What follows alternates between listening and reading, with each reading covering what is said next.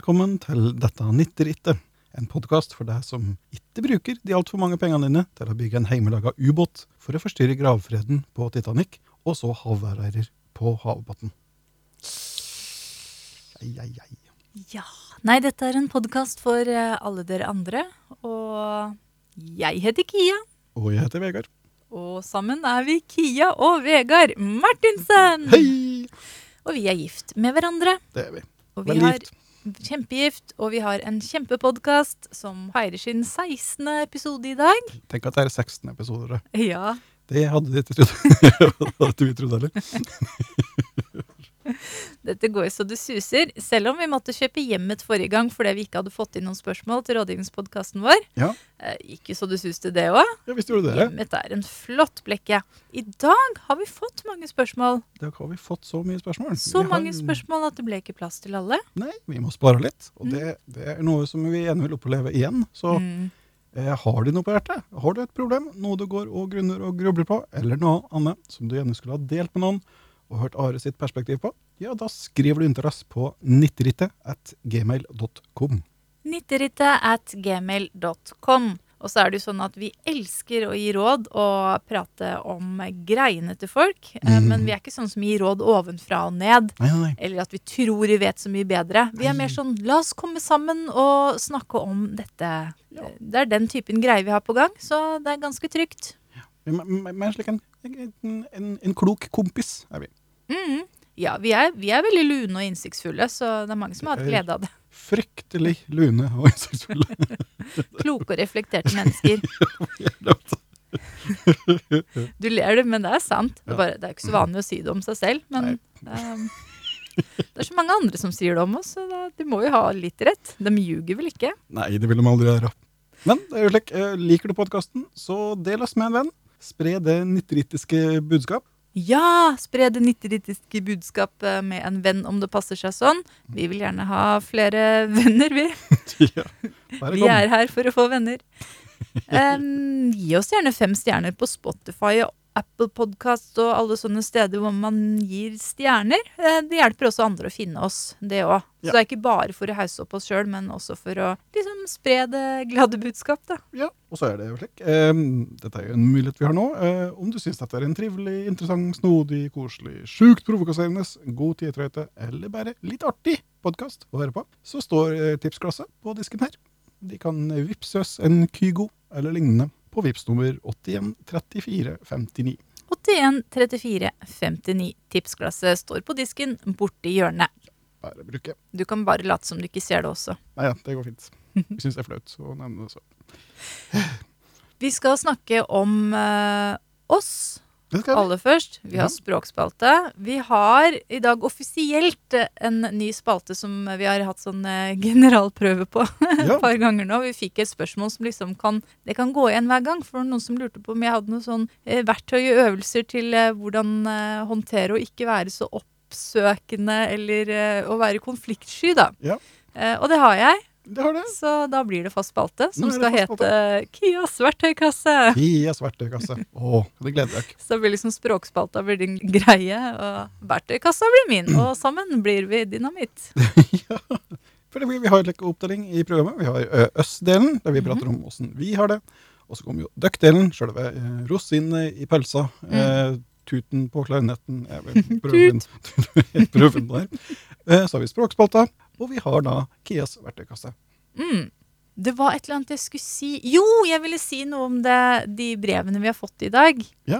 Eh, bare før vi begynner å snakke om oss sjøl, så hadde jeg lyst til å ta en liten sånn oppsummering av de. Blir ikke det litt sånn god struktur? Jo, ja. Ja, litt sånn, sånn overskrift. Um, jo, og det aller eh, mest meta og artige vi skal snakke om, er jo er det noe vits i å snakke om det? Så vi skal Ja. snakke om det er noe vits i å snakke om det. Fordi det er jo en klisjé, og det er liksom noe jeg som psykodramaterapeut og vi som podkast har liksom basert oss veldig på at eh, det blir alltid bedre av å snakke om det. Ja, Men blir det egentlig det? blir det det? Mm, det er en sannhet med modifikasjoner. Ja, denne gangen skal vi se litt, litt nøyere på det. Mm. Så er det noen som har noen innmari irriterende hagegnomer som er vanskelig å si fra til. Og-. Ja.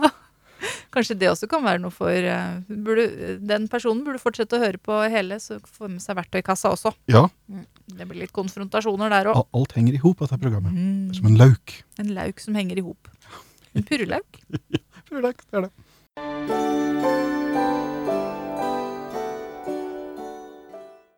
Men først skal vi snakke om alles yndlingstema, øss. For alle liker jo aller best å snakke om seg selv, ikke sant det, Vegard? ja.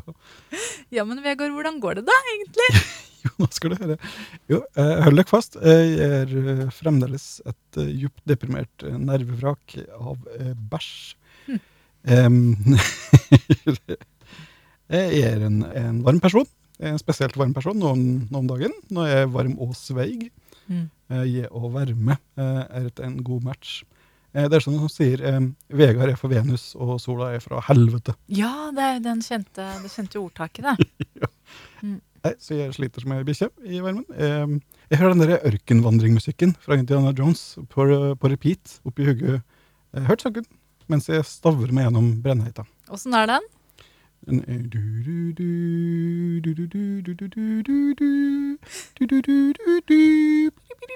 Det er den du pleier, det er den du å nynne på når du går over gårdsplassen, ja.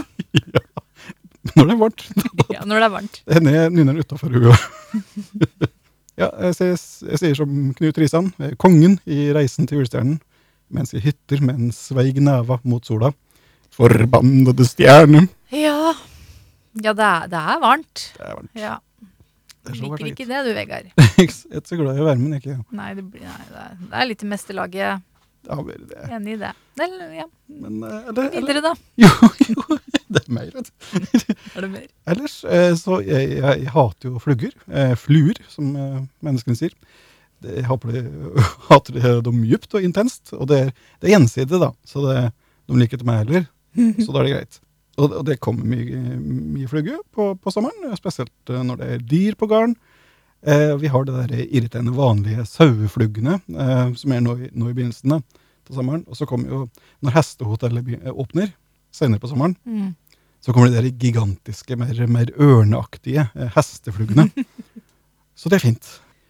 Jeg myrder jo da alle flugger jeg ser, med den, den velbrukte fluggebankeren vår. Jakter rundt i huset som en dynamisk, men klønete eh, velociraptor. Så jeg har hengt opp eh, fluggepapir i utsatte vinduer. Mm. Det er slike eh, eh, serpentineraktige klissebånd som du drar, drar til en liten patron, like en liten tube. Slik kan jeg ellers gjerne ser i grisefjøs. Men eh, er det bra nok for grisen, så er det bra nok for meg, si. De funker innom museet. Og det, denne praksisen har jo gjort at jeg har jeg oppdaget en sadistisk strik i meg sjøl. For jeg, for jeg, jeg nyter å høre den der, høre den der desperate surringa fra uh, fluggehelsike som, som sitter fast. Og da tenker jeg ja, du sitter fast, ja. Bra. Ja. Så, så det er litt, litt bekymringsfullt, er det jo. Men, men. Vi har alle vårt. Jeg syns de fluene er det, det er litt vanskelig å se på. Jeg, jeg får litt jeg, eh, jeg, liker, vil jo kverke dem, men jeg syns den seigpininga er litt lei, så jeg prøver å få tatt dem når de først har satt seg fast. Ja. Eh, det er litt sånn fluer på fluepapir og milliardærer i ubåt. litt samme følelsen. Det var irriterende, irriterende, at de gjør der.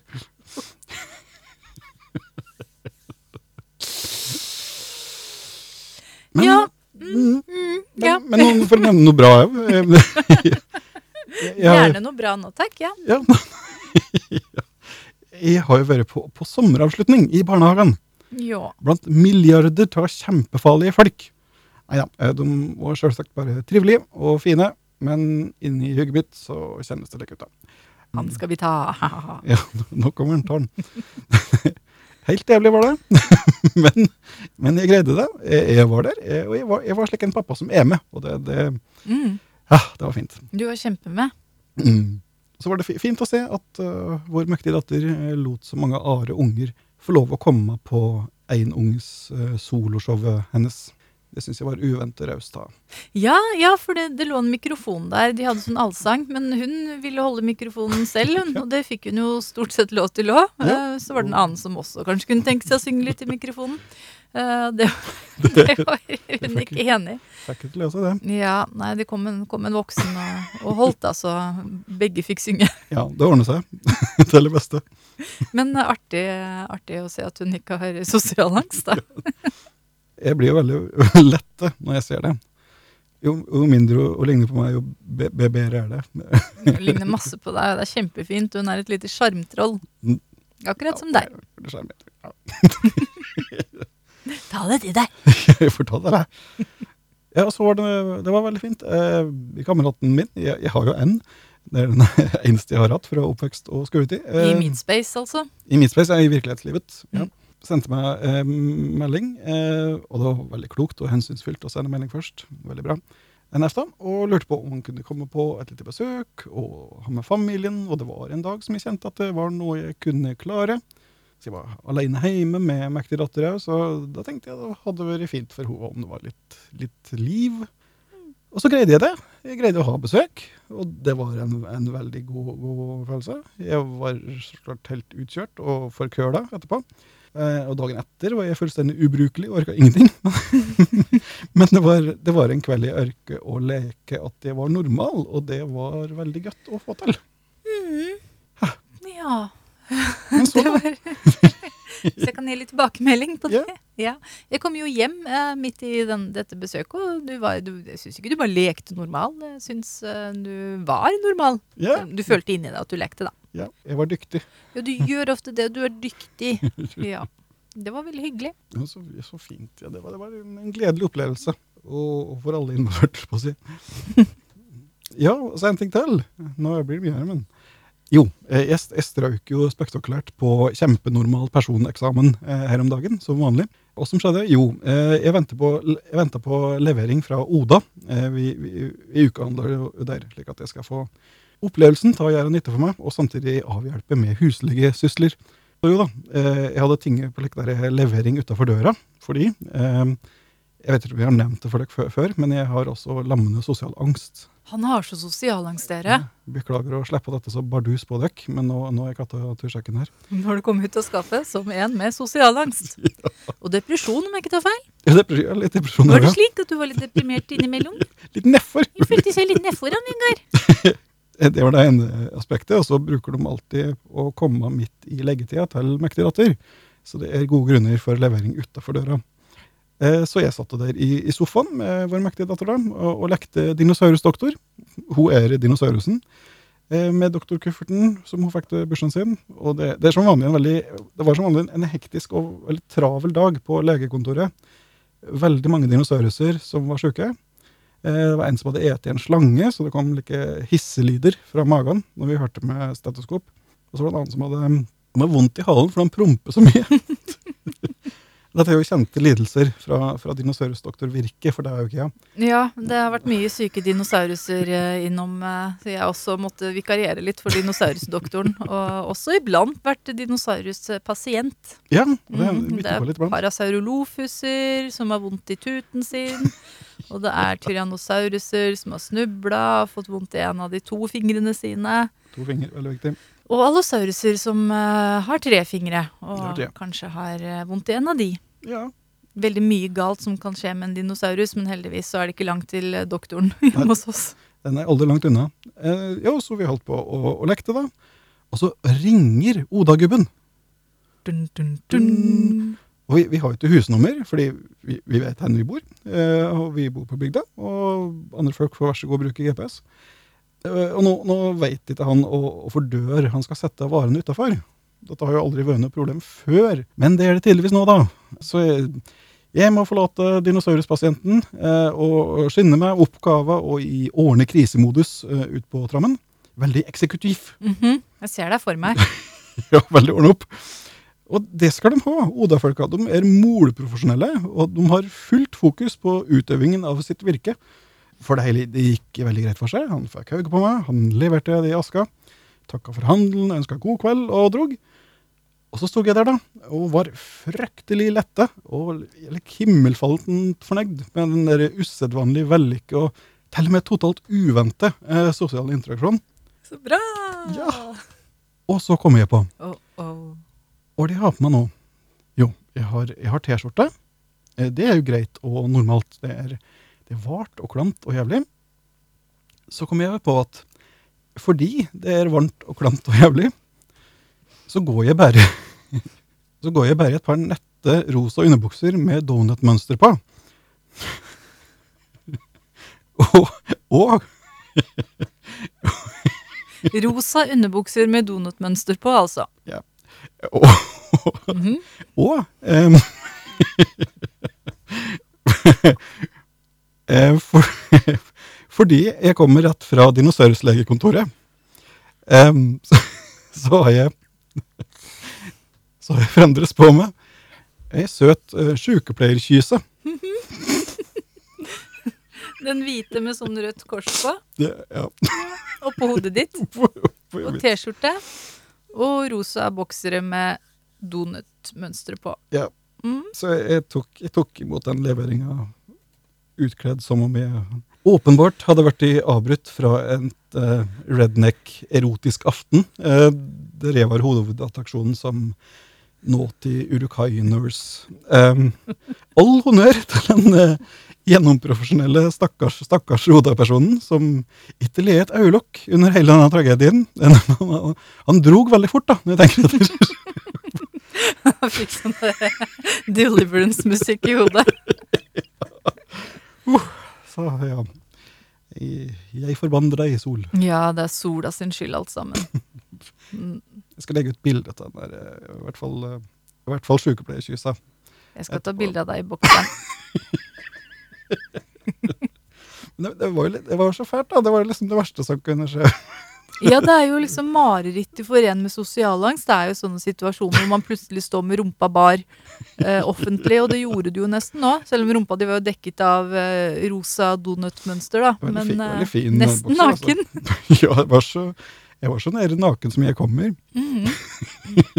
Jeg glad, vi har jo sånn, vi rater Oda-folka når de har levert. Alltid pluss. altså pluss. Ja. Uansett om de så skulle bæsje i kassa, så hadde de fått eh, full pott. For det, jeg har jobba i serviceyrket sjøl, og alltid full pott fra Ja. oss. Men eh, hvis det hadde vært omvendt, tenk om det. Å nei, tenk på, tenk på det. Å nei. Jeg tror det bare lyste opp dagen, jeg. Ja. Ja. Jeg syns du klarer det bra, jeg, Vegard. Jo, takk. Tusen Tross takk. alt, hadde jeg nær sagt, men også på grunn av alt. Du er en flott og ressurssterk mann, og du er eh, en stor glede å være gift med, og en god far til vårt eh, felles barn. Å, tusen takk. Til, eh, ja, og til alle barn vi passer på. Også også etter alle barn vi passer på. Ah, Du skjønner hva jeg mener. jeg skjønner hva du mener. Mm. Ah, tusen takk. Bare hyggelig. Hva med deg, da, Kia? Har du Ja. opplevd noe siden sist? Nei, det, same old, same old. Nei, jeg har jo latt deg og vår mektige datter være mye hjemme alene, da, så du må takle Oda-levering og plutselig besøk og være dinosaurusdoktor helt selv. Eh, Jeg har blitt sliten av alt jeg holdt på med, da. Eksamener og alskens. Eh, Så i dag er jeg veldig, veldig trøtt. Mm. Jeg syns nesten det høres på stemmen min nå, jeg. Jeg er litt sånn Øh, Litt sånn daff. Vever. Ja. Så det blir en, en, en dempa sending i dag. Jeg blir distré av dette, da, så jeg vant jo årets foreldrepris i dag. Det glemte igjen tursjekken til vår datter på kjøkkenbenken. Og eh, det var turdag i barnehagen. Oppi der lå matpakke og drikkeflaske. Og så kunne jeg ikke kjøre tilbake til barnehagen med den, selv om jeg har fri. Fordi jeg var så trøtt at da jeg kjørte hjem etter å ha levert i barnehagen i dag, så måtte jeg klaske meg selv i fjeset i bilen så jeg ikke skulle sovne. Da var det sånn, Jeg kan ikke levere den, men eh, barnehagen ordna opp og smørte brødskiver, og Ja da. hun fikk vann. da. ja, det gikk bra, men eh, det var litt sånn Jeg følte meg ikke helt høytfungerende da. ja, men det, det ordna seg. Det Ja. gikk fint. Var på tur, da. Hadde med vann og mat og Ja. koste seg verdens verste. Og dette er jo eh, resultatet av at jeg er en usedvanlig distré person eh, i utgangspunktet. Jeg har en tentativ ADHD-diagnose. Tentativ. Og, og jeg har eh, vært ekstra travel, sovet ekstra lite og vært ekstra oppsøkende i det siste. Så i forrige uke var det jo min siste eksamen. Jeg er jo heltidsstudent og tar en bachelor i uh, psykologi, for å si det enkelt. Altså jeg hadde eksamen i sosialpsykologi. Digert emne. Masse pensum. Det gikk kjempefint. Det var uh, på årets hittil varmeste dag. 30 grader i Oslo. Ja. Uff, ja. Mhm. Veldig taklete. Veldig taklete. Ja. Mm. Og så etterpå så eh, hadde jeg gleda meg fordi jeg skulle dra og bade med Jeg har fått venner på Blindern! Jeg har fått en venn. Ja, Venner. jeg har fått to.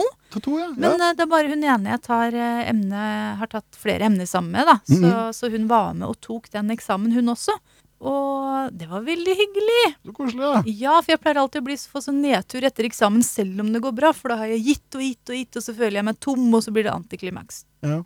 Men den dagen så dro vi ned på Tjuvholmen sammen. Mm. Leide en sauna.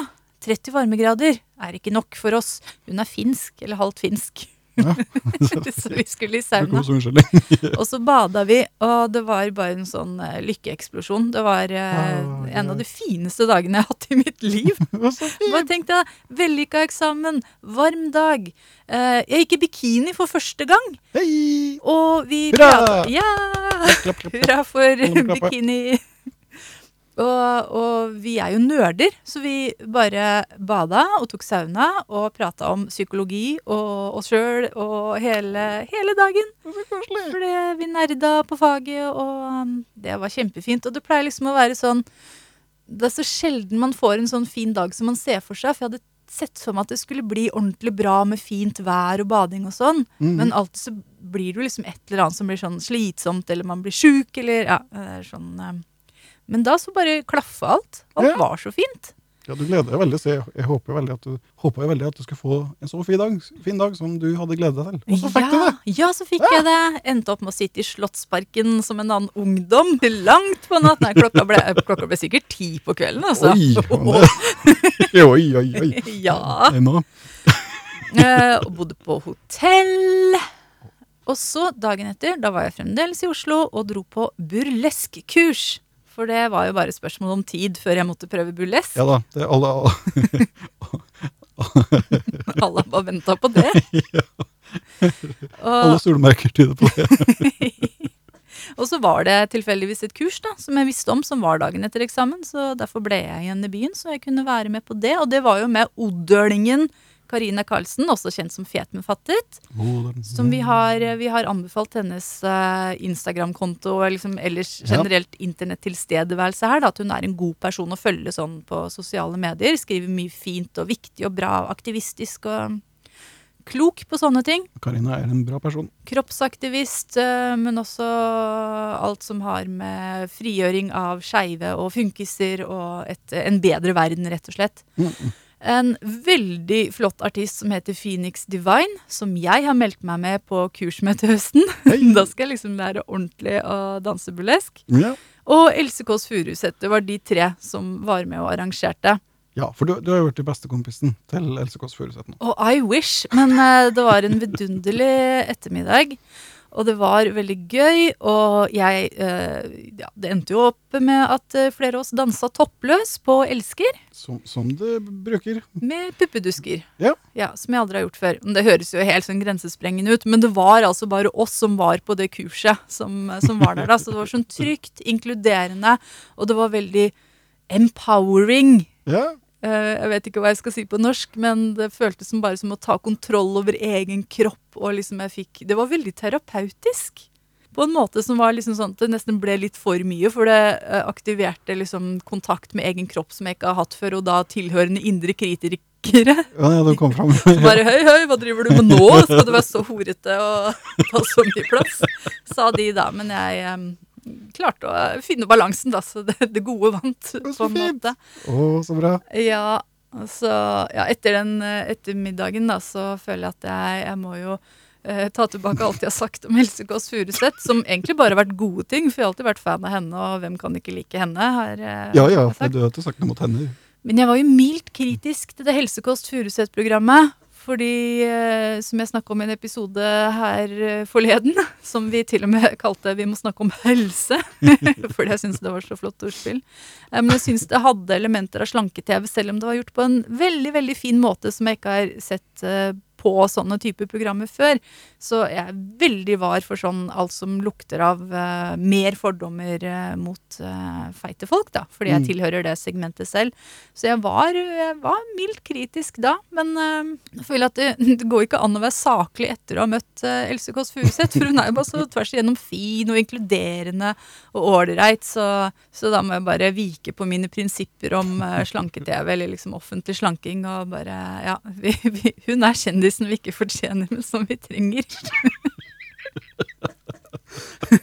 så jeg tar det tilbake, jeg. Selv om jeg mente det litt, så tar jeg det tilbake uansett.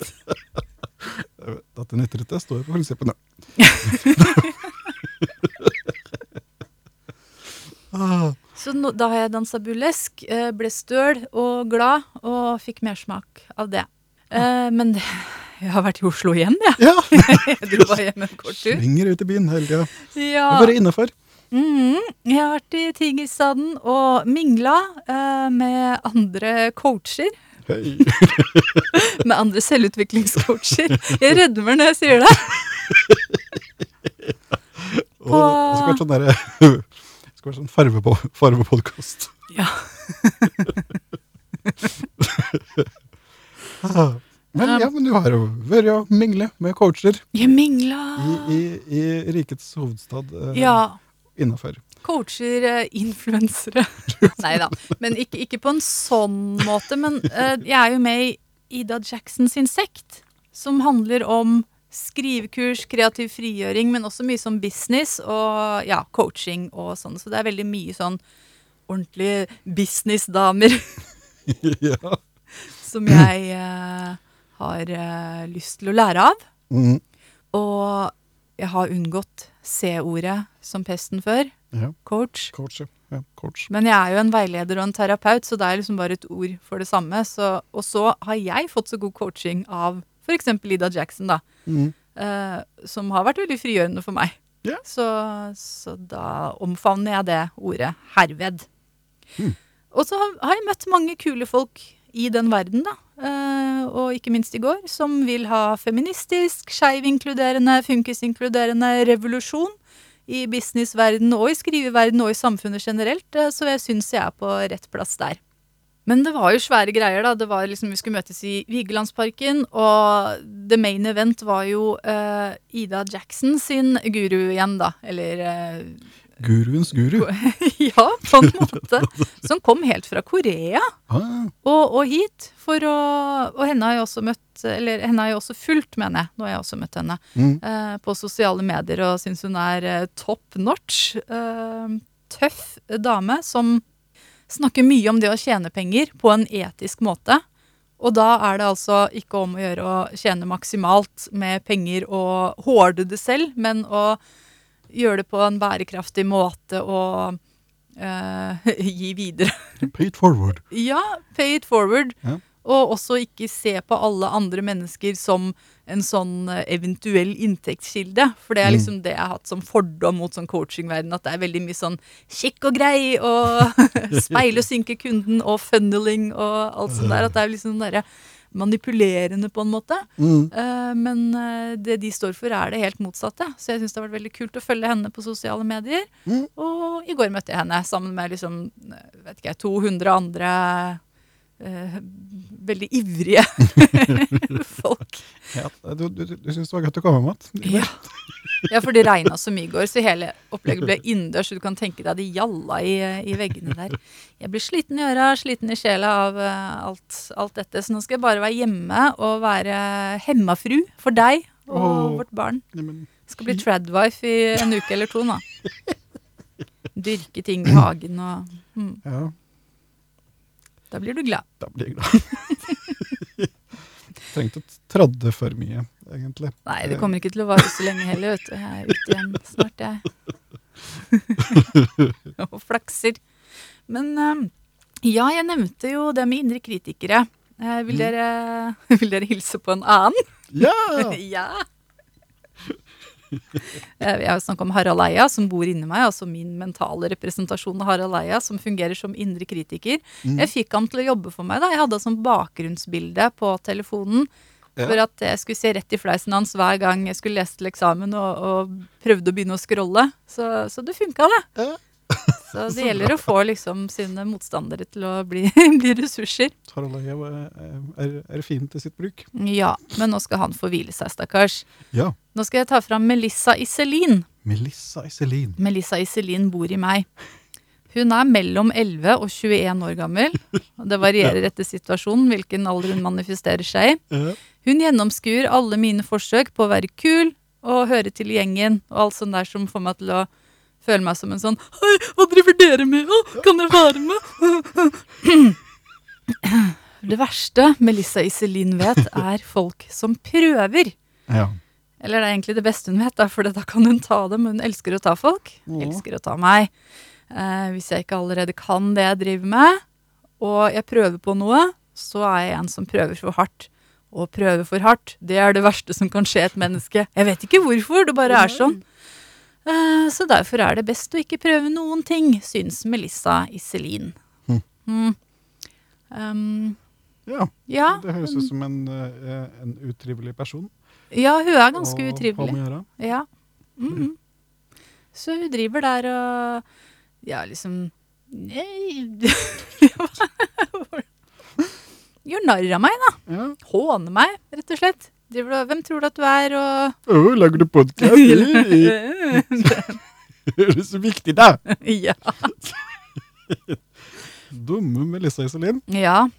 Hun er liksom basert på, ja, basert på folk jeg har møtt i virkeligheten, eh, selvfølgelig. Alle som har hatt en barndom og ungdom, har møtt Melissa Iselin. Ja, alle som, alle som har levd, kjenner godt til Melissa Iselin. Mm, og alle kan være Melissa Iselin. Mm. Så, så Melissa Iselin er jo, er jo meg, hun er en del av meg. Og henne skal jeg krangle litt med Ja. i, i fremtiden.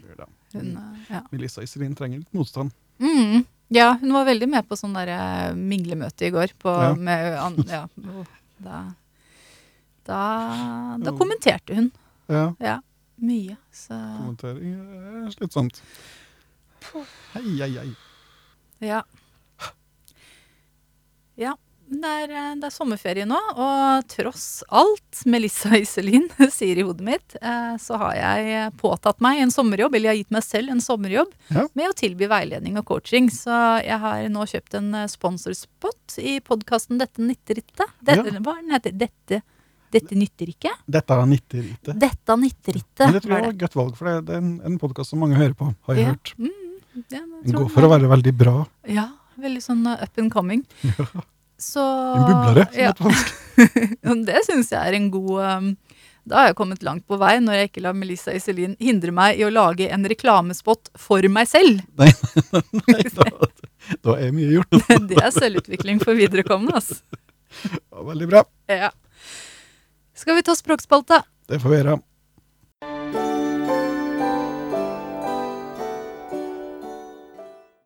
Jeg vet ikke om det er, eh, kan kalles motto, men en av de tinga vi sier ganske ofte, i hvert fall er at vi er en podkast som snakker om eh, livet, Odalen og slikt. Ja. Og når det gjelder Odalen, så er jo også dialekt viktig. Så Det er jo det. mm, derfor har vi språkspalta. Hva skal vi snakke om i dag, Vegard? Jo du, i Eller dag vi? Vi, vi må si at det, det er vi som prater om det. Mm, fortell meg. Det, det kreves jo to for å prate Mm. sammen. Jo, i dag skal vi eh, ha om eh, itakisme. Altså, eh, vi, eh, vi har, eh, I at vi, vi, har y, eh, men vi benytter ikke. Så det heter egentlig ytakysme. Hva, vet jeg? Jeg er odøling. Jeg aner ikke når det skal være i og y. Det, med itakisme, det, det er jo et språklig særtrekk eh, har i Odar Nomeng. Det er da den, den ekle danske bokstaven y eh, blir til en hemmetrivelig i. Eh, og vi får ord som, ja, i stedet for å si ytterst, så sier vi ytterst. Eh, yndling blir yndling. Unnskyld, så blir unnskyld. Og dyr blir dyr. Bygd blir bygd. Kylling blir killing. Og sykkel blir sikkel. Og det er da eh, det er de utaviser fra som da tenker eh, Så dere i Odalen sikler mye, dere, da! Ah! Eh, til det er det å si at eh, ja, vi, vi liker både å ta oss fram på velosiped Mm. eh, og opprettholde en god og sunn spyttproduksjon. Men det er ingen fare for forvirring eh, ta de to. Sammenblanding. For ordet for eh, det vi kan kalle velocipedal aktivitet, eh, det blir uttala med tynn L, altså sikle. Jeg har en sikkel, jeg sikler. Eh, mens ordet for eh, saliverende prosess uttales med vår kjære, kjære venn retroflex flapp. Sikle. Men i dette tilfellet har det uansett vært bedre å bruke dregle system. Det er finere, det har kraftigere retroflex flapp, og, og det, gir de rette huggebilder. da. Det beste for begge verdener. Mm. Noe annet som regnet, blir regnet til uh, itakisme i, i nordisk uh, språksammenheng, eh, og iblant regnes som en, en hyperkorreksjon, altså noe som retter på noe som i utgangspunktet var riktig, slik at det blir feil. Jeg er uenig i at hyperkorreksjon kan brukes helt hvert. Det er at um, ei, øy og oi-ord som regel endrer da form til ei. Så, uh, så, så blir det slik at vi sier ikke køyeseng eller koie i Odalen. Vi sier keieseng og keie. Og keigubbe, da. keigubbe hører meg til, til keie. Uh, og, og i stedet for eh, eh, hitra er ei øy, så sier vi hitra er ei ei. Hitra er ei ei. ja. Dypt. ja, det høres veldig fint ut. Vi sier jo òg øy i, i Odalen, men da helst i den formen av øy. Som i, som i Hei du der, hold opp med åen du holder på med. Kar etter garn, gå bort, tusj. sånn som du sier vanligvis til folk som prøver å komme på besøk. Ja, som vi sier hver dag. Eh, slutt i, i dagens, dagens språkspalte så vil jeg nevne at de, de språktrekka vi pratet om her, de, de gjelder da personnavn. Som du eksempel heter um, Nå må jeg sp- spisse tunga her. Om du heter Yngve eller Øyvor eller Øyvind hjemme, så bare kom til Odalen. Eh, Her heter du Yngve, Eivor og Eivind. Så Det er til og med trøkk på første stavelse. Det får du, det får du attpå. Det er helt gratis. Det får du uansett hva det heter. Så gratulerer. Velkommen til Odalen.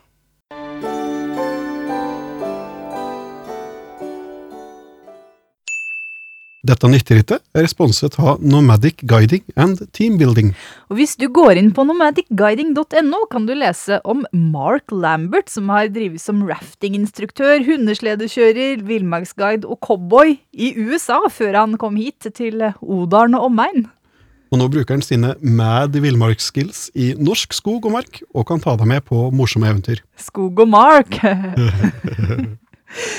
Nomadic Guiding and Teambuilding de skreddersyr aktiviteter for bedrifter og private grupper. Så det betyr at uansett hvor eventyrlysten og sprek du er eller ikke er, har Mark aktiviteter som passer for deg. De kan jo tilpasses alle situasjoner og steller, som eh, teambuilding, bursdager og utdrikningslag.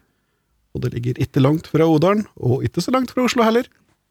Nomadic Guiding tilbyr også guida turer for de aller mest innadvendte av oss, med grupper helt ned til én person. Men jeg er jo en slags person. Ja, så da kan du gå inn på nomadicguiding.no, eller sende en e-post til mark at nomadicguiding.no. Nomadic Guiding and Teambuilding, det altså. Hva har du som ligger og ulmer, lugger eller gnager i livet? Jeg snakker da om mentale ulmebål, lugging i relasjoner og gnagende følelser. Denne sommeren tilbyr jeg, Kia Martinsen, psykodramabasert veiledning og coaching til introduksjonspris av 750 kroner per time. Sammen med meg kan du utforske dine egne handlingsmuligheter og ressurser. De er alltid flere enn du tror. Du velger selv hva du vil se på, men trenger heller ikke ha noe forhåndsdefinert tema. Jeg hjelper deg å få kontakt med det som vil fram. Psykodrama er en spontan, leken og kreativ metode som tar deg og dine grenser på alvor. Her er det plass til hele deg, uten prestasjonskrav, enten vi møtes på nett eller i virkeligheten. Send e-post til kiamaria at online.no. Det er cia-maria at online.no for timebestilling eller uforpliktende spørsmål. Og husk at alt kan lekes.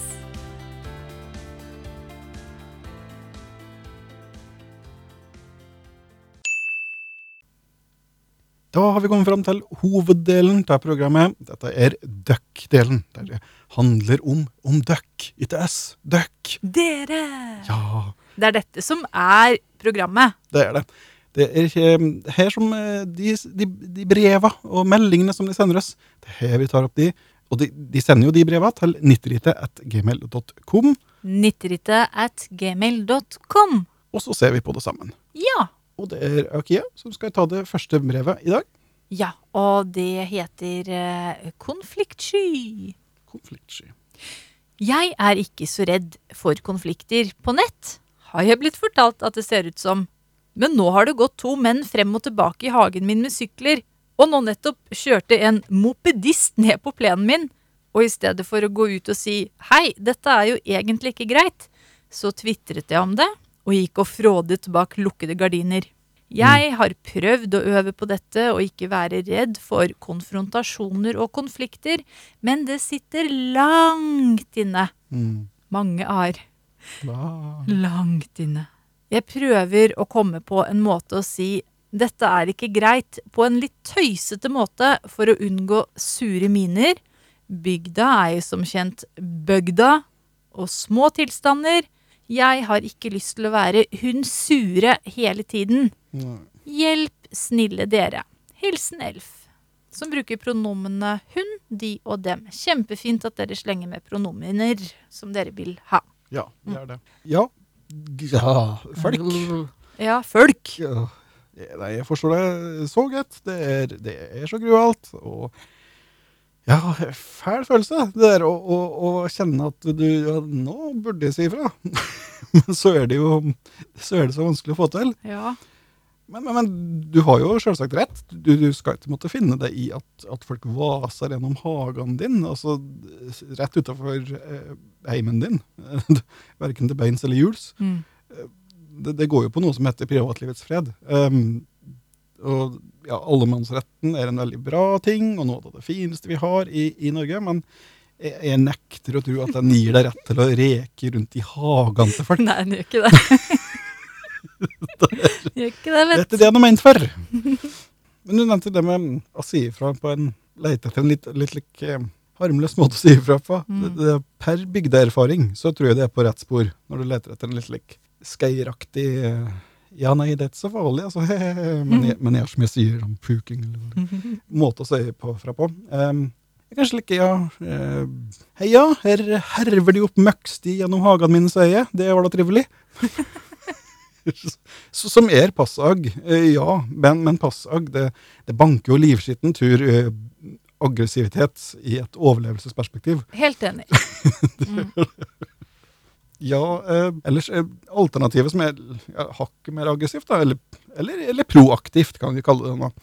Eh, for å slippe å si aggressivt. Det, det er jo å, å plassere et skjelt da, eller noe hinder i hagen, om det er mulig. Eh, noe som viser liksom tydelig at eh, her er det til meninga at folk skal måke gjennom på sykkel. I, I mangel på vareting ting så bruker leker eh, å gjøre susen, noe som gjør det tydelig at her er det unger, her bor det folk. Dra og være bilgubbe med sykkel en annen stand. Ja, eh, folk bruker jo det for å få folk til å dempe farta Mm. utenfor husene sine. Um, så, men eh, jeg vet ikke om sånne mopedgnomer som er på andres plen, tenker på det. Nei. Men eh, ja, eh, aggressivt er jo kanskje ikke tingen å gå for, men konfronterende på en hyggelig måte. Ja, Det er en balansegang, altså. Ja Ja. Så det er det. ja, jeg skjønner jo veldig godt at du ikke har lyst til å være den i en Nei. liten bygd. Hvis det er sånn at damer som sier fra, er, eller folk som blir lest som damer, eh, blir kjent som hun sure. Men eh, ja, hvis det virkelig er sånn, er det sånn at andre i nabolaget tillater sånne ting? Eh, det kan godt hende det er sånn på bygda, altså. Ja, nei, dette er sikkert veldig bygd-avhengig av, og som liksom er greit. Mm. Men, men, men altså, det skal uansett være greit å si ifra når, det ikke, når noe ikke er greit. Det skal være det. Du har rett til å si fra. Men vi Mm. skal prøve å tenke litt høyt sammen med deg om den beste måten å gjøre det på.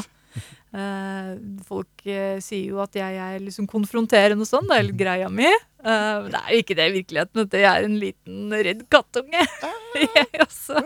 Men jeg øvde meg litt, da. Mm, en sin kattunge med klør. Ja, wow. Nei, men det er kjempeskummelt. Det er det. Um, og siden du, som du sier, har lettere for å si fra på nett, eller i hvert fall andre tolker deg som har lettere for å si fra, så kanskje det kan aktiveres uh, i virkeligheten på å gjøre det på en litt sånn indirekte måte med skilt, da, som du foreslo, Vegard. Mm. Og da trenger du ikke være sinna-skilt, det kan være et uh, morsomt skilt, til og med. Mm. Ja. Um, eller bare høflig, da. Ja, eller ja, informasjonsskilt eh, Ja. med, sånn, med korte, greie beskjeder. Ja. Ikke uh, sykle gjennom hagen. ja, vær så snill. Eller, så snill, ja. Um, og så Ja, så, så det er jo preventivt. Mm. Uh, men hvis det allerede er mopedfolk på plenen din Altså, lager slike der eh, åttetall på, på, på, jeg på plenen, ser for meg sånn derre Jeg får håpe det ikke er så ille, da. Jeg ser for meg like hoodlooms fra, som jeg har sett på, på filmer fra Amerika. Ja. Slike fæle voldsfilmer med ungdommer. Men uh, ja, nei, da må du ringe politiet. Ja, det, det det, har vi lært fra amerikanske filmer. Ja. De har kjettinger og og, svarte skinnjakker. Mm. Mm. Ja, det beste er jo å få satt grensene man trenger, og slippe sånn fjes-til-fjes-konfrontasjon. Ja. For det som er med å bare la ting fare også, da føles det så dårlig inni. Ja, Det føler seg som en dørmatte kan gjøre, og liksom, mm, det kan gå litt utover selvrespekten òg, å bare la folk eh, drive på på din eiendom. ja. For det er veldig fort gjort å tenke liksom at eh, ja, nå skal jeg være kul, nå skal jeg ikke bry meg med dette. Ja, Dette er ikke så farlig. ja. Jeg trenger ikke den hagen, jeg. Og da, da, det, det kommer ikke til å gi deg noen god følelse inni deg. Nei, tro meg, jeg har vært der. Og er der sikkert iblant også. Mm. Ja, men det, det, er, det, det er veldig vanskelig, altså. For det, det er den der balansegangen. Nei, men altså, jeg tenker, Du har rett til å være sur hvis de ikke hører på deg. Du har rett til å være sur uansett, det er din hage. Du kan være så sur du vil, men eh, du har lyst til å ha litt god stemning eh, på bygda. Mm. Eh, og eh, går det da an å si fra ikke surt, men hyggelig og samtidig tydelig? Og hvis de da gjør det flere ganger etter tilsnakk, da begynner det å bli urimelig at du ikke skal få reagere mer mm, tydelig og negativt. Jeg syns det er så rart at liksom at Men jeg tror også det fort kan være sånn altså, at bygda ikke tillater deg å være hun sure. Du får liksom ikke rom for det, eller forståelse for det. Mens de som trasker rundt på andres eiendom, eh, skal ikke de være redde for hva bygda skal si om dem? Eh, Mhm. Der går de som Det blir jo veldig skjevt. Og, Ja. liksom, og, og fortsetter med å gjøre dette etter at du har sagt ifra, da er du liksom på vei mot trakassering. Da, så, da velger de bevisst å, å, å, å ikke rette seg etter det du har sagt. mm. Mm. Vi får håpe folk ikke er så frekke, men Ja. det, det kan de jo være. Ja, men folk er folk. Folk er folk. og jeg, jeg sier det som Denne gangen mente jeg det negativt. Ja. Folk, åh, er- folk er folk. ja, vi kan men, også si det positivt. Folk er folk. Folk er folk. Folk er folk. ja. Ja, så det, det kommer an på intonasjonen. Intonasjonen. Mm. Jeg har et konkret tips. Jeg vet ikke hvor bra det er. Mm. Uh, for det, sånn er det med råd. Jo mer spissa de er, jo mindre sannsynlig er det at de treffer. Men dette kan faktisk være et som passer i mange situasjoner, så jeg prøver, jeg. Mm. Et konkret tips om hva uh, du kan si til folk hvis du må si fra rett til dem. I stedet for å si 'ikke gå her', så si hva de kan gjøre. Om du skjønner. Si 'du kan heller gå rundt'. Du kan heller gå på andre siden av gjerdet. For det betyr jo akkurat det samme, men mennesker er enkle dyrebarn i hodene. Eh, det er vi alle sammen på mange måter. Det er lettere å ta imot en beskjed på den måten. Og det er også lettere å gi den på den måten hvis du syns det er vanskelig å være direkte og fortelle folk hva de skal gjøre, eller hva de ikke kan gjøre. Ja. Så om du, du kommer noen gående med sykkel over plenen din, si du kan gå med sykkelen på andre siden der. Ja, det, det er jo noe folk bør, bør godta. Mm. Dette er hagen vår, så det, ja. det, det er fint om det går med sykkel rundt. ja, det er liksom helt rimelig. Og mm, du har rett til å si ifra. Ja, og det trenger ikke å være så komplisert. Du trenger ikke å si det, 'Jeg ser det fint at du trimmer, det er bra, det er sunt for kropp og sjel', men akkurat her, du, så, så Her er hagen min. du trenger ikke gå i detalj, men bare vise den, den, rette, den rette veien. Så, Mhm. så der kan du trille sykkelen din. Det Ja. går fint. Ja, du skylder ingen detaljer, Nei. og du skylder ingen at de skal føle seg bedre etter å ha snakka med deg, at du skal være spesielt morsom og få dem til å le, eller uh, være spesielt underdanig, eller uh, noe sånn. Du har rett til å si ifra. Mm. Så det er jo det beste utgangspunktet, da. At du bare vet det inni deg. For nå har vi sagt det til deg, så nå vet du det. Nå, nå vet du det. Ja, nå, nå, nå sitter det. Om du ikke visste det før. Vi, vi, vi, vi, støtter. Det, det er vel det som er konklusjonen her. Og, og, du, og du har rett til å si ifra. Ja, det har du. Og jeg skulle ønske at jeg kunne få adressen din. Hvis du bor i Odalen, så kanskje vi kan få det til å skje. Ja. Så da, kan, da skal jeg komme til deg, og så skal jeg være hun sure. Ja.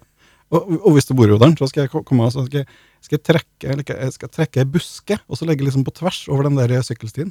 Ja. Mhm. Det vil du sikkert ha i hagen din. Det er alltid populært. La oss eh, vite hvordan det går, kjære Elf. Ja, ja, la oss endelig det. Det lot som om jeg trodde du bodde i Odalen, bare for å gjøre det anonymt. Ja, gjør det litt For det er litt spennende for de som hører på. Men jeg vet eh, altså at det er litt langt uh, fra der vi bor, til der Ja. du bor. Men uh, spander en flybillett, så kommer vi. Ja, vi får gå skogleis.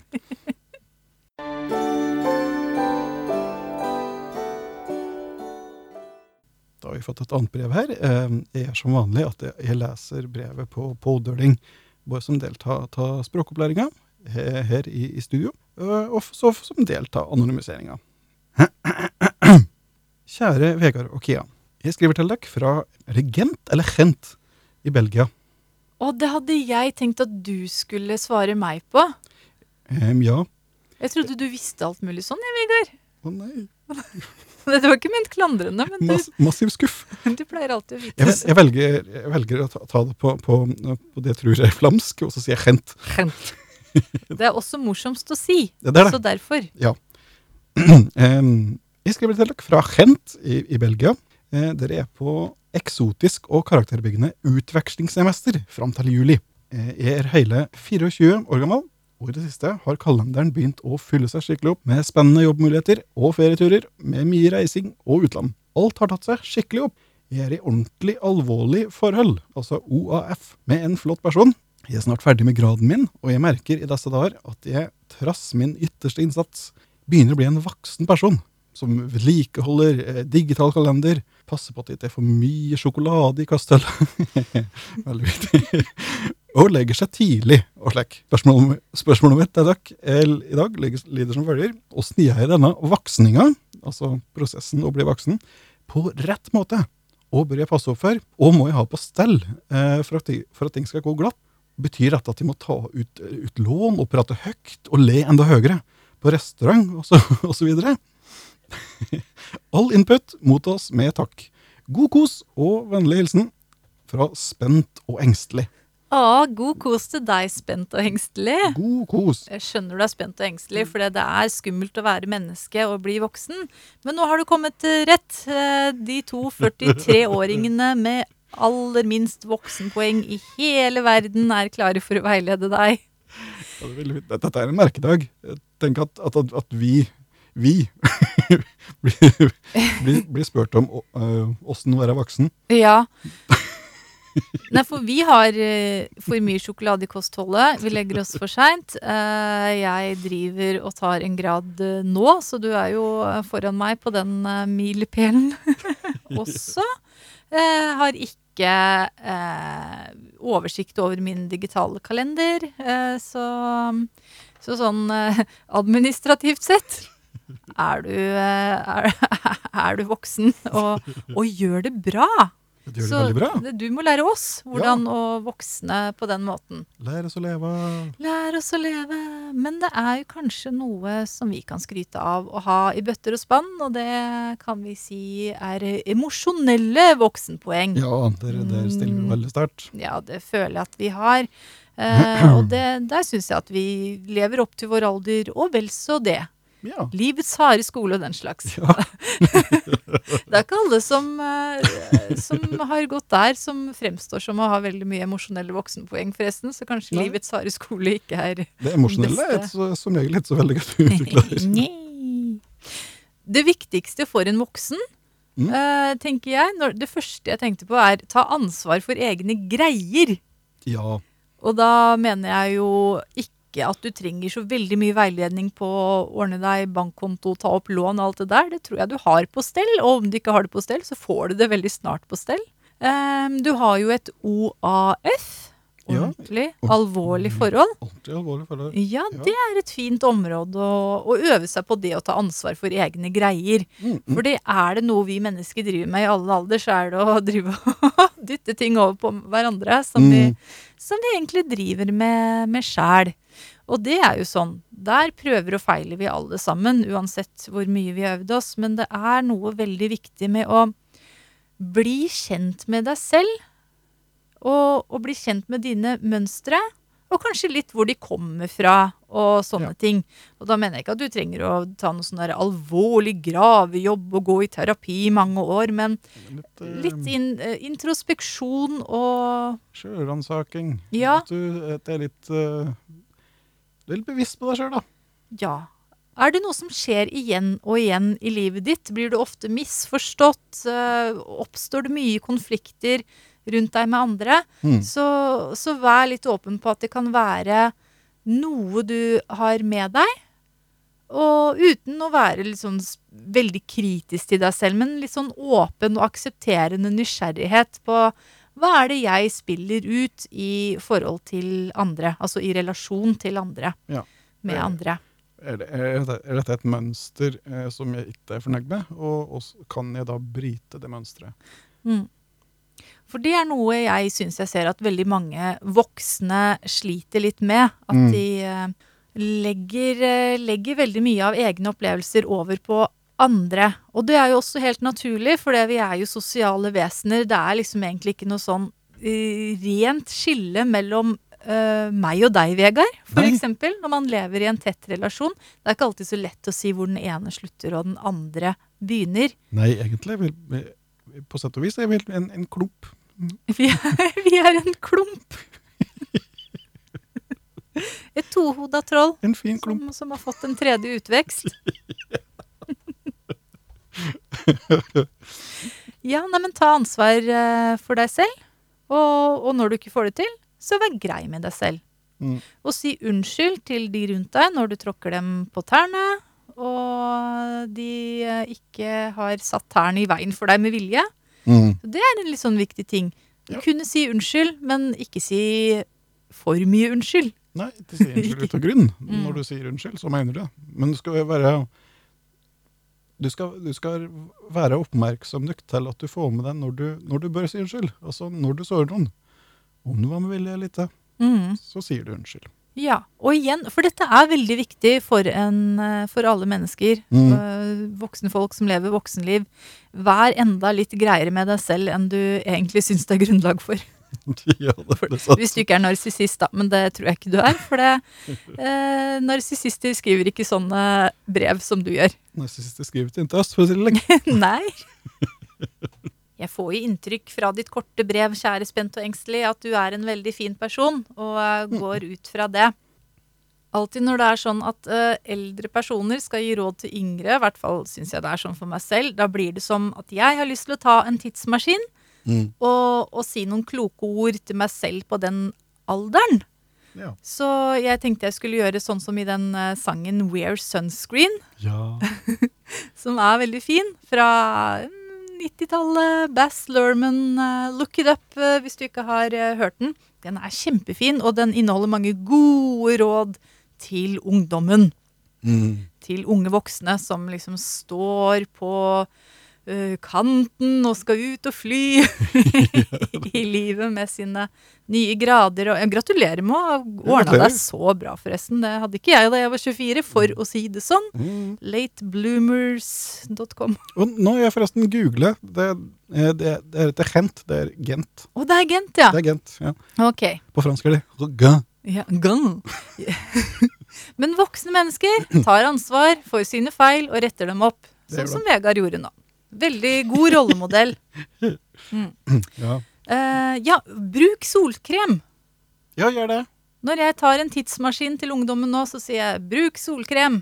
Bruk solkrem, og, og pass på de knærne. Pass på knærne. Ja, men faktisk eh, så, så gjør det, for det, du blir ikke yngre selv om du er ung. Det er sant. Og gjør tøyeøvelser. Og herlighet, jeg skulle ønske jeg kunne snakka med meg selv for 20 år siden og sagt gjør tøyeøvelser. Da kunne jeg begynt med yoga. Jeg skulle tatt tidsmaskin til da jeg var to og sagt begynn med yoga. Nei da. Mm. Da jeg var 20 kunne jeg ha begynt. Men nå er jeg stiv som en stokk, og det fins ikke yogatimer for sånne som meg. Fordi hvis- når jeg går på yogatimer, så får jeg ikke til det noe av de andre, noen av de andre får til. Å, Så det er liksom så mye Jeg kan sikkert bli myk fremdeles, men det er så mye å ta igjen av eh, strekkeøvelser. Mm. Så, så gjør det nå, du, kjære spent og engstelig. Um, og så ha minst én type kreativt utløp i livet ditt, for det sinnet ditt trenger også å strekkes og tøyes, så du trenger å jobbe med det, eksponere deg for nye ting. Og være litt sånn utforskende. Det tror jeg er veldig sunt. Mm. For eh, hvis du har lyst til å bli en klok og god voksen og leve lenge, da trenger du å ta til deg verden rundt deg, på en måte. Så mm, ikke prøv å planlegge for mye. Høres det ut som et godt råd? Ja. Ikke Ja. overtenke. Ja, det er det. Et, et, råd jeg har brent meg på det, de siste 40 åra. Ja, Um, det, gjør sjelden ting bedre å overtenke. nei, det er sant. Men det er veldig vanskelig å la være, da. Så det er ikke et godt råd sånn sett. Nei. Er man en overtenker, så er man gjerne det, men eh, det kan jo Man, man kan jo jobbe med det òg. Det er sant, da. Nei, men det, som sagt, det er veldig artig at, at, du, at, du, at du stilte dette spørsmålet til oss. Og jeg, jeg, skal, jeg skal printe ut, eller rettere, jeg skal, jeg skal skrive av mailen din for hånd. Fordi printeren vår er jo, den hører på uken til. Nei da, det er bare at vi har ikke voksenpoeng nok til å, Å bruke. bruke den. Uansett så skal jeg henge dette mailen din opp på kjøleskapet. Om jeg må skrive den av personlig, eller om printeren spiller på lag. Eh, I tilfelle vi skulle ha behov for å knekke sammen i krampelatter senere hjemme. Jeg må jo anstrenge meg for å huske at, at eh, AC står for aircondition og ikke Assassin's Creed. Mm. Så, så det er er sikkert at vi er det beste å spørre om. Nei, Vi er vel ikke sånn typiske man ser for seg når man ser for seg en voksen. Men jeg syns at, det, jeg synes at voksne som spiller eh, TV-spill, ja, det er videospill. er gode voksne også. Og det å ta vare på barnet i seg selv, og ta vare på leken, høres veldig klisjéfylt ut, men klisjeer er jo ofte sanne òg. Det er kjempeviktig. Det er bra for din mentale og fysiske helse. Det er det. Og skulle jeg svare litt skikkelig, så det, det, det høres jo virkelig ut som, som du, du voksner eh, veldig bra. Ja, vi Eh, er jo sånn dritimponerte, da. ja. Gent og reise utenlands. Og Ja, du er utenlands, da. Alt nå. Du er så utenlands. Når du drar utenlands, så drar du for et annet utenlands land. det er veldig fint. Wow. men, men du virker å ha oversikt og kontroll over eh, ja, kontroll på forbruk og inntak og forfalls- og best før-datoer og, og det som er. Veldig bra.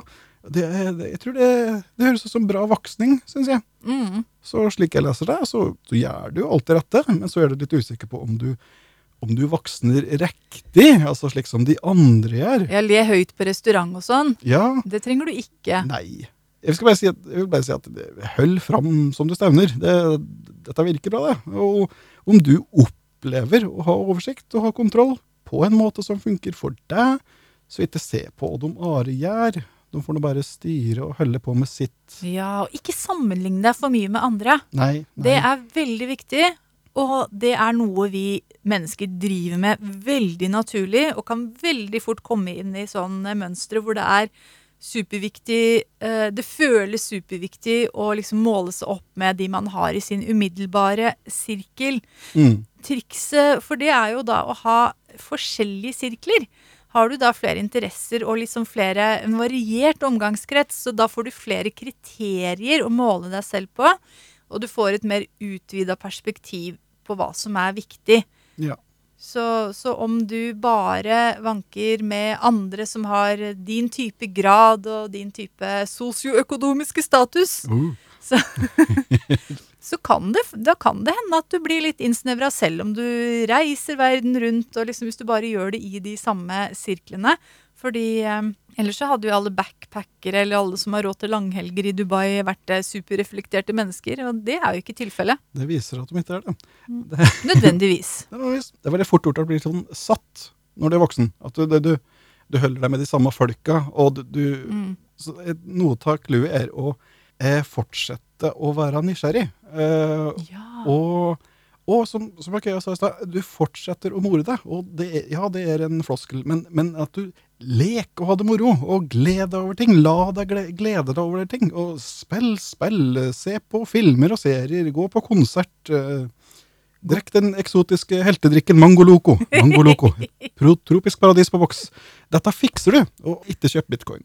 Ikke gjør det. Nei. Da, da gjør du alt dette, så tror jeg det skal gå fint, dette her. Ja.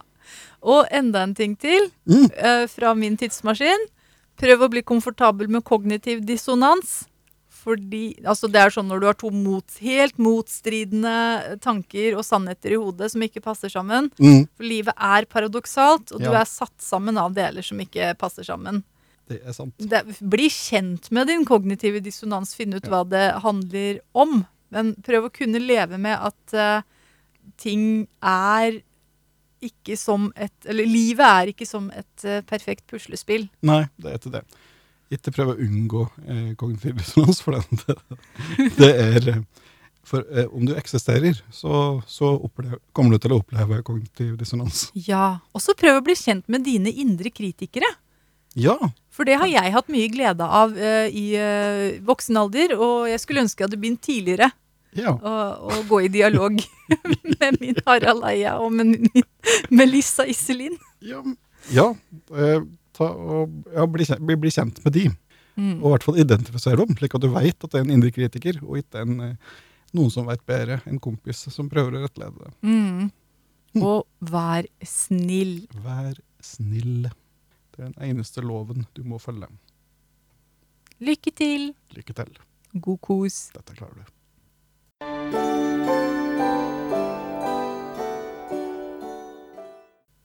Vi har fått en e-post fra en anonym badeløve til nitterittet at gmail.com. Midtrittet.gmail.com. Jeg nevnte jo forbifarten eh, her en eh, annen episode at eh, jeg er i ferd med å bli helårsbader. Ja, Men jeg begynte på sommeren, da, så vi får jo se hvordan det går. men det er en bra start, det. Ja. Og um, brevet lyder som så.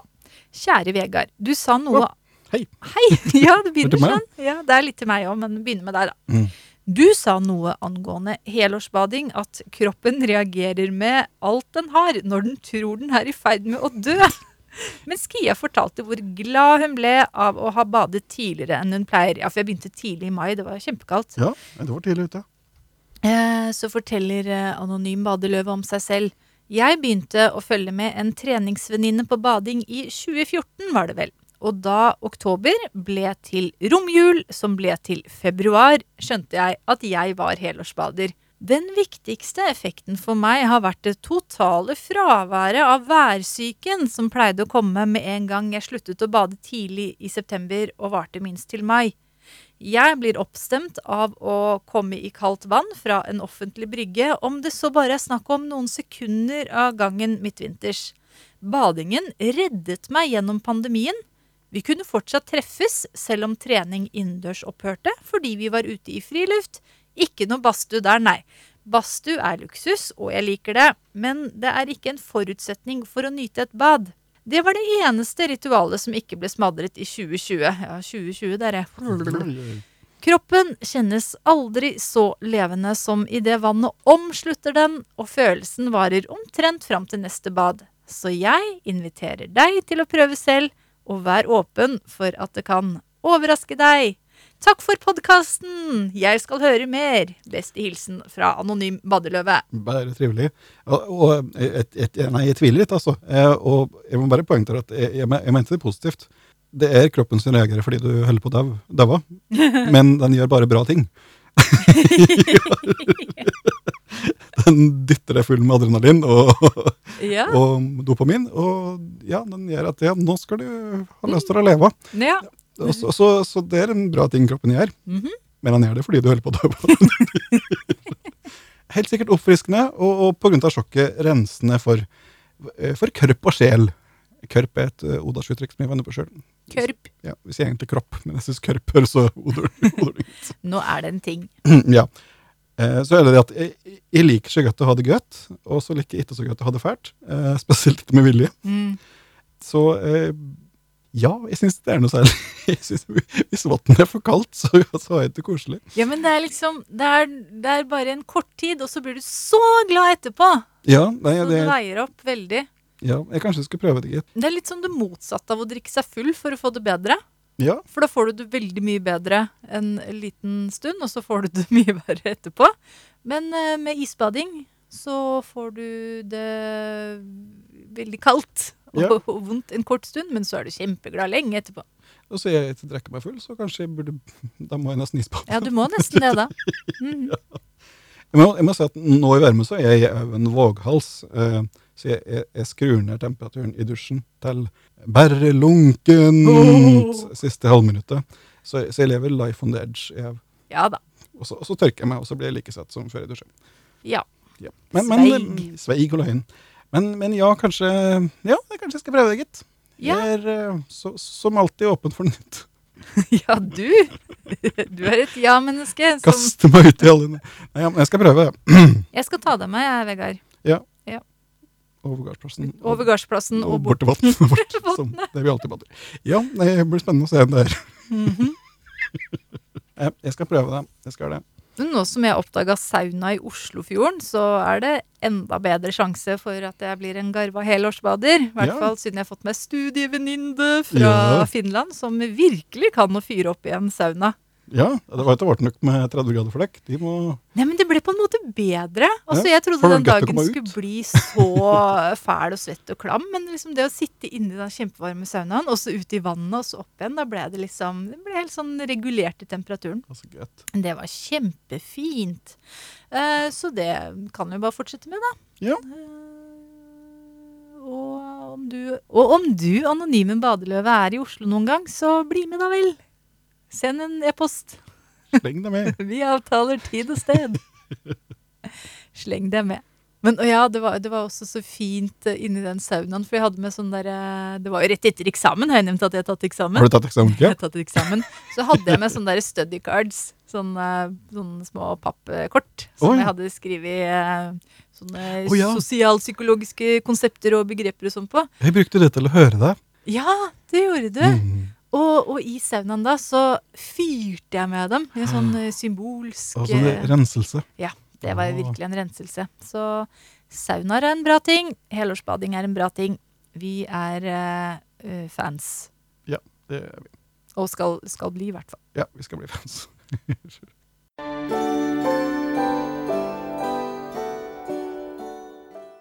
Vi har fått spørsmål fra en av de andre sfærene, der vi driver og henger og vanker og prater med folk og slik. Ja, det har vi. Eh, vi ble tagget inn i en, en samtale på Twitter, Mhm. eh, og det var da eh, såkalte fugleappen. Ja, Er det liksom sånne som sier fjaseboka sier? Ja, jeg tror det. jeg tenker, jeg hører ikke en stemme som sier «Eh, 'Der er den fugleappen!» når, jeg ser- når jeg ser det. Men jeg tror det. Men vi kan godt si fugleappen. Ja, vi, kanskje vi ikke sier noe som helst om det stedet snart, men vi har, vi har mange gode venner der. Vi har så mange gode får, venner der. eh, Vi får samles et annet sted etter hvert, kanskje. Og, og en, en av de var det som tagget inn i en samtale. Og det er da eh, doktor Soda, mm. vår alles kjære, eh, som skriver Kanskje nitterittet kunne prate litt om og tid det nitter, og tid det itte nitter, og, store bokstaver, snakke om det. Mm. Med hilsen fra Soda. Alle pronomen er ok. Så har jeg tatt med tweeten under. Der jeg skriver Sjøl har jeg litt følelsen av at, det å prate om ting som du uansett ikke får gjort noe med, og som bare virvler opp en masse dumme følelser om en sjøl og framtida, ikke nytter noe særlig. Ja. Ja, da, da, tror jeg vi gjør slik at eh, Da svarer vi litt hvert for oss. Jeg er sikkert vi, vi mener akkurat det samme. Mm, Vi pleier å være ganske enige, men eh, ikke, ikke alltid. Men eh, jeg syns jo spørsmålet er veldig bra. Det er ikke et spørsmål. Og jeg har jo liksom basert min eh, karriere, livsstil og også hobby på, på å snakke om det, og at det er en god ting. Men jeg syns også det er veldig oppskrytt, og det svarte jeg også på Twitter til doktor Soda. Men jeg kan gjerne moderere det litt også, fordi ja, det nytter ofte å prate om det. Ja, det er kjempeoppskrytt, og det er en dum klisjé iblant. Men eh, om man skal velge mellom enten å prate om det eller ikke, så vil jeg oftest si at eh, det er bedre å gjøre det enn å ikke gjøre det. Men Mm. sånn generelt, ja. Men når folk sier 'prat om det' som om det er løsningen, så er jo det å prate om det ofte bare starten. Og så er det så veldig eh, situasjonsavhengig. Hva gjelder det? Eh, hvem gjelder det? Og når? Og, og hvem du prater med, er jo minst like viktig som, som å prate om det. Mm.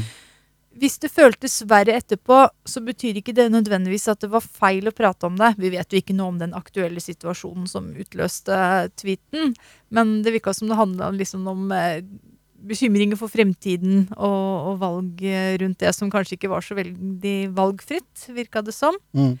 Men hvis det var noe som liksom lå og gnagde litt, og, og uansett gnager inni deg, og så har du satt ord på det, og liksom fått kontakt med hvor vondt det egentlig er, så kan det at det blir verre, at det føles verre, være tegn på at du er på rett vei til å få lufta det ut eller integrert det på en bedre måte gjennom å, å faktisk håndtere det, i stedet for å bare la det ligge.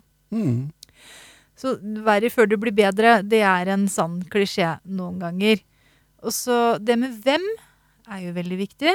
Hvis du prater om det, ikke blir tatt på alvor, eh, blir bagatellisert, sier, noen sier at eh, ja, ja, men sånn er det for alle, eller ja, ja, nei, men du får jo bare ta deg sammen og få deg en jobb, eller et eller annet sånn. Da, da snakker du ikke med, med riktig person. Fine folk. Igjen, vi vet veldig lite av detaljene rundt eh, aktuelle situasjoner, så jeg prøver å svare sånn veldig, veldig generelt, da. Eh, men hvis du ikke blir tatt på alvor, eh, så blir det verre. Og da nytter det ikke å snakke om det. Da Nei. gjør det faktisk vondt verre. Da nytter det ikke. Og det er jo også en ting med, med et tidsperspektiv, da. Hvis man har et eller annet som er liksom veldig sårbart og, og følsomt og føles vondt å snakke om, Mm. ja, viktig å snakke om det. Eh, men ikke viktig å ta det fram i tide og utide og hele tiden. Og man må verne seg selv litt også. Det er ikke sånn Tenk på det som sårpleie. Av og til så skal man lufte og stelle og sånn, og så skal man sette på en ny bandasje, og så skal det få hvile. Ja. Ja. Så, så kan du gjøre andre hyggelige ting i mellomtiden. Ja. Så sånn er det også med å, å snakke om det. Mm. Ja. Det var nå mine umiddelbare Jeg, vet, jeg tror vi er ganske Tanker? enige der. Ja. mm. Spørsmålet var jo om, om eh, nytter det å prate om det, og det, den første innskytelsen er jo nei, det gjør til det. det nytter ikke. Um, men, eller, det, det kan jo det, uh, men uh, jeg har skrevet at det må være, være rett tid og plass for, for deg, både fysisk og, og mentalt, Mm. og med rett person, som òg er på sin rette tid og plass, og kan håndtere det. Men, men det med timing er, er fryktelig viktig, eh, som jeg har erfart. Om du først begynner, eh, begynner å grave, eh, og det er i prinsippet bra å grave i greiene dine, da åpner du kanskje opp noen gamle sår og nedgravde greier som er nedgravd av en grunn.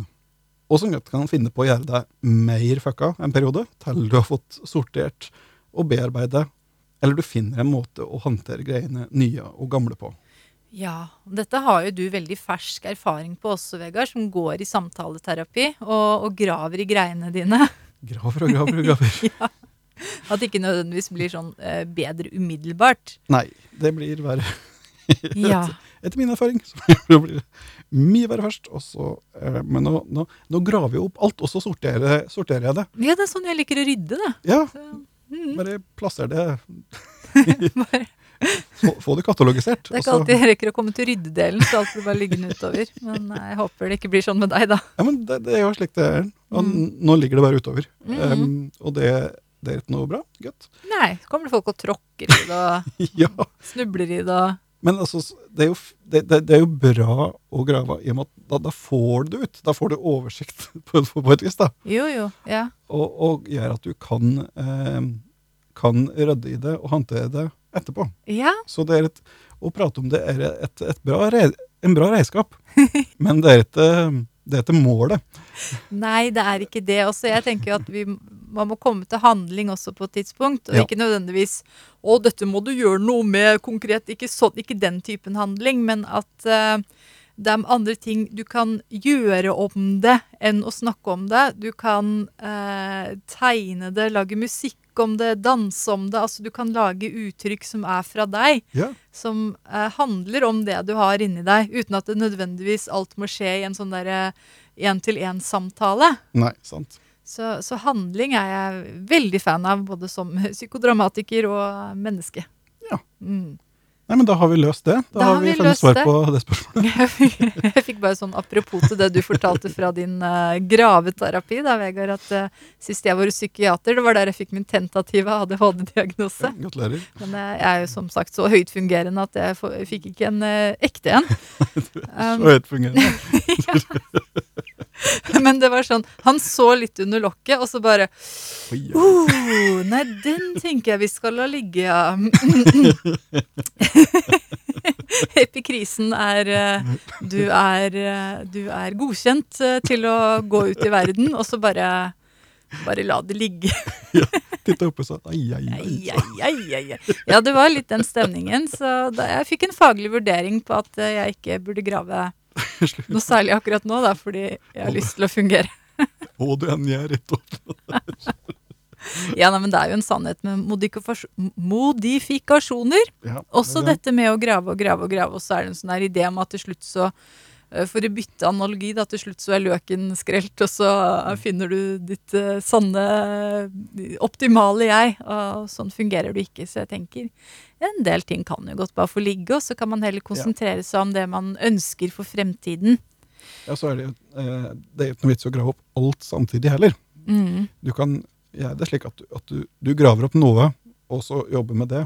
mm. Og at du lar noe bli liggende nedgravd Ja, til seinere, ja, og så henger jo så alt sammen. Så dette blir overveldet. Ja. Eh, Og alt henger i hop, Ja, alt henger i hop, så det er ikke sikkert du trenger å grave opp hver Nei, eh, Kanskje det løser seg opp av seg sjøl. hvert- Neste til neste. Ja, sånn går det ofte. Det virka som det var liksom eh, Dr. Soda sin spesifikke snakke om det-ting handla om fremtidsbekymringer som eh, eh, kanskje dreide seg om sånne typiske ting som folk gir råd om, syns jeg det virka som i den tweeten. Ja. Sånn økonomi, jobb, eh, Ikke kjøp, fremtiden. ikke, ikke kjøp bitcoin. Ikke kjøp bitcoin. Nei, nei. Ikke gjør det. Slutt. Og når man skal snakke om sånne ting, så er, det, er det ofte at man får litt sånne barduse råd. Ja. Så jeg vet ikke om det er det som har skjedd, men uh, vær litt uh, Hvis det er noe som er litt så ja, For nå, nå snakker jeg veldig fra min egen erfaring, som eh, tar et studie som ordentlig voksne mennesker, altså generasjonen over oss, ikke ser helt poenget med, for det, det blir ingenting. Jeg tar en tverrfaglig samfunnsvitenskapelig bachelor som heter kultur og kommunikasjon, med fordypning i psykologi. Og de er jo veldig sånn Ja, men hva blir du, da? Hvorfor tar du ikke bare profesjonsstudiet? Hvorfor Alle eh, dette er ord som de ikke kan. Ja, og, og de skjønner ikke hva jeg blir. Og det vet jo ikke jeg heller hva jeg blir, men jeg vet jo at jeg blir kvalifisert til eh, mange ulike typer jobber. Mm. Og så blir jeg jo da satt i en posisjon hvor jeg skal ramse opp de eller noe sånt for å tilfredsstille deres behov for Ja. å vite Ja, du må passe inni denne boksen her. hva det blir. Og, da, og jeg har jo mine framtidsbekymringer òg, ikke sant? Så, Mm. så jeg går jo og tenker på ja, men hva Tenk om det ikke er en så nyttig utdanning som jeg tror. Og, og da treffer det meg på et sånt sårt punkt. Og da, da tror Ja, jeg skjermer meg litt fra å snakke om det Mm. med de. Da vil jeg ikke gå til en av de og si å, jeg lurer litt på fremtiden. Ja, jeg undrer meg på. Nei, det, det er er så viktig som å vite hvem du skal prate med, og hvem du ikke skal prate med. Ja, ja det er det viktigste. Mm. Så eh, ja, konklusjonen er Eh, konklusjonen er eh, nytter det å prate om det? Tja. Tja. Men det som alltid nytter, er å sende en e-post til nitteritte at gmail.com. Nytterite at gmail.com.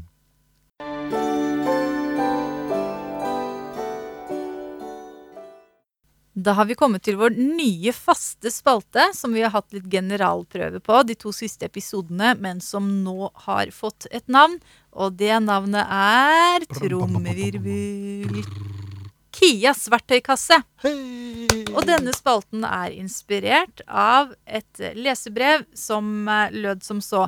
Siden enkelte av dere er konfronterende og oppsøkende, kanskje vi som ikke er det, kan få noen øvelser som vi kan bruke på å bli det. Og det fikk jeg veldig lyst til å dele med dere. Jeg har mange øvelser. Jeg har en hel verktøykasse full. Og det med å bli konfronterende og oppsøkende, da tenker jeg liksom eh, litt bredt på. Det handler om ting som å ta plass, tørre å si ifra, eh, osv. Som kan være veldig utfordrende for mange. Eh, vi har jo gått gjennom denne sommerfuglklemmen tidligere, om at man begynner med seg selv og forteller seg selv at jeg har rett til å si ifra. uh, I situasjoner hvor du vet at det liksom objektivt, objektivt sett er trygt å si ifra, så kan du gi deg selv en sommerfuglklem og si det er trygt å si ifra, eller i hvert fall si til deg selv at du har rett til å si ifra. Det har vi vært igjennom. Jeg kan også legge til uh, en liten sånn addendum der. Ja. Eh, at hvis det er vanskelig å si et sånt godt mantra til seg selv, en sånn god setning 'jeg har rett til å si ifra', så kan du prøve med å si 'jeg åpner meg for eh, tanken om at jeg har rett til å si ifra'. For noen ganger kan det være så fastlåst at det, det bare føles som ljug når man sier gode ting til seg selv. Da kan du liksom omgå den eh, indre kritikeren eller den låsen med å si 'jeg åpner meg for at jeg har rett til å si fra. ja. Ja. Men det var da. I dag skal vi eh, gå over til eh, en eh, ny øvelse som jeg kaller bytte rolle. Mm. Og det er jo egentlig eh, sentralt i psykodramametoden som jeg bruker. Og ikke én øvelse i seg selv, men en hel rekke øvelser. Men selve konseptet er at du bytter rolle med en annen. Så i dag fokuserer vi på den eller det som du vil konfrontere eller oppsøke der ute i verden. Og det fins der ute i verden, men enda mer viktig for deg, det er den versjonen som fins i hodet ditt. Så da skal vi altså gå til den mentale representasjonen av den eller det du vil si ifra mot. Det er den rollen som lever inni hodet ditt. For eksempel det brevet vi fikk tidligere, de Mhm. mopedistene og syklistene på plenen. Ja. Det er folk som fins i virkeligheten, men de er også Ja. De fins også De lever også i, eh, i hodet. På, Og det er liksom Det er den versjonen vi kan gjøre noe med. Mm, sant? Ja. Um, jeg så oppgitt ut fordi jeg tenkte på de, ikke fordi du Jeg følte du avbrøt meg. Det Jeg så du ble lei deg. Jeg er så skjør. ja. Skjør tander. Fin og skjør og, og, og følsom er du. Du er veldig følsom og åpen for, eh, for andre. Det er en god ting. Det er en ressurs. Ja, men grunnen til at jeg understreker det der med indre representasjonen, den rollen i hodet ditt, er at vi har komplekse relasjoner som kan bestå av veldig motstridende elementer. Så det, det vi er ute etter å jobbe med, det er liksom det aspektet av den du vil konfrontere, som får deg til å holde tilbake. Eksempel hvis du har lyst til å konfrontere noen du har en nær relasjon til, så kan det veldig fort komme sånne tanker om at ja, men den personen er jo god og fin og sånn på så mange måter. Mm. Men i denne øvelsen så kan du skrelle ut alt det, og så bare lager du en rolle av akkurat det som du vil si ifra mot. ja.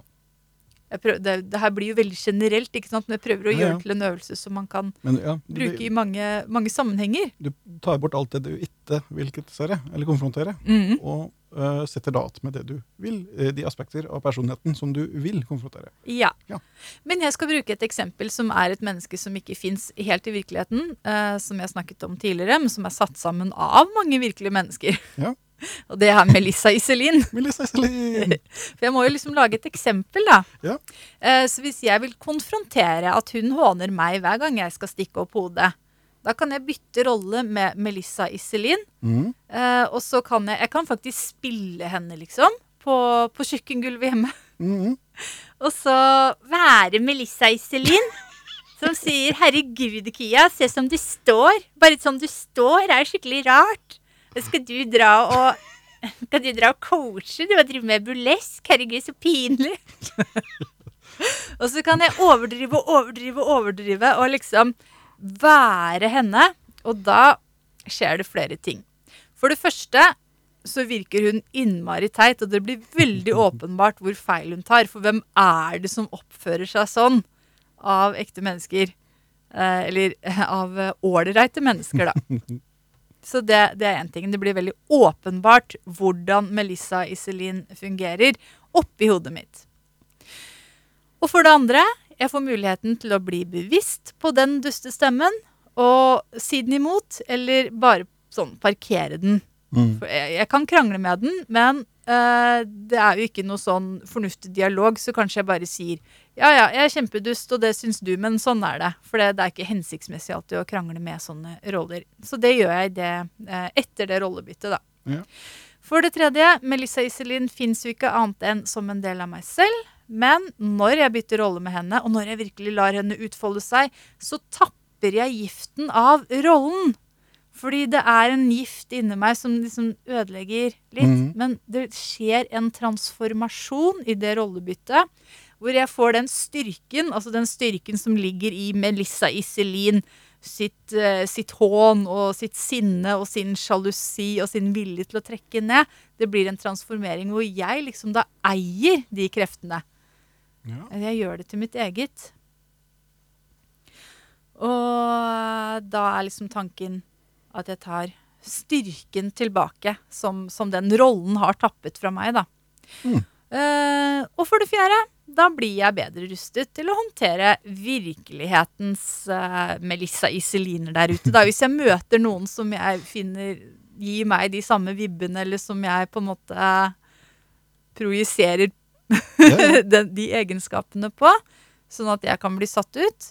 Uh, når jeg har øvd meg på det, i å bytte rolle med Melissa Iselin, da, da er det en trening på, på virkelighetslivet, Ja. som vi kaller det. Men altså, hvordan bytte rolle? Nå har jeg øvd meg på dette mye. Jeg har drevet med psykodrama i 20 år.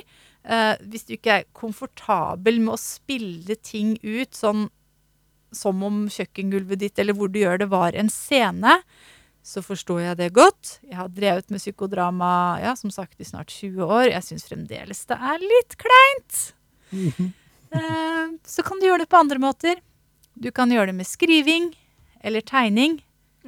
Men det viktige med rollebytte er at du skriver ut de tingene du er redd for å konfrontere fra den rollen. Ja. Så du er, du er i rolle når du skriver. Ja, Ja. som om jeg var den rollen. Mm. Så det du har lyst til å liksom ta en kamp mot, da, eller si mot, eller eh, stå opp mot Du kan være den Mm. og tegne noe som liksom fra den rollen, eller skrive noe fra den rollen.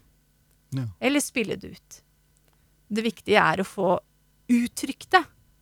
Og så skjer jo disse fire tingene da, som jeg nevnte, at du ser hvor, hvordan det fungerer, Mm. og veldig ofte så det, henger det ikke på greip, og du får mer øynene opp for det. Og for det andre at du blir bevisst. Og for det tredje at du tapper giften av rollen og tar styrken tilbake. Og for det fjerde at du da får øvelse Ja. i hvordan gjør det i virkeligheten. ja. For da har du vært, da har du vært gjennom du, har gått, eh, du har gått gjennom det i en, en trygg setting. Ja, Ja. det har det. Eh, Det har du. Det har vært liksom eh, et lite treningssenter Ja. for deg selv. For, eh, for sånne ting som er vanskelig å få øvd på sånn sosialt i virkeligheten. Mm. Ja, Og også hvis du får eh, Hvis du har noen venner eller noen i familien som har lyst til å hjelpe deg, så kan jo dere bytte rolle som dere imellom, da. Hvis du har noen som, eh, du kunne tenke deg å, å leke det her med. For det er jo en lek. Alt kan lekes. Mm. Mm. Men så fint. Og vi kan jo si at hvis, det, hvis det er noen som har noe om mer de vil ta opp i, i, i Kias verktøykasse, så er det veldig praktisk. For eh, mailadressen til eh, Kias verktøykasse det er den samme som Nittrite. Det er, eh, det er nittrite at gmail.com. Nitterite at gmail.com.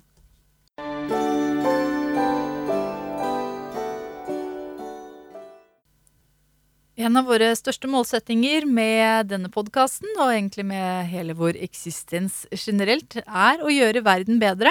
Så vi liker å avslutte med å fortelle dere om et eller annet, stort eller smått, som vi har oppdaget som gjør livet vårt bedre. For da tror vi at det sikkert kan være med å gjøre livet bedre for noen andre også.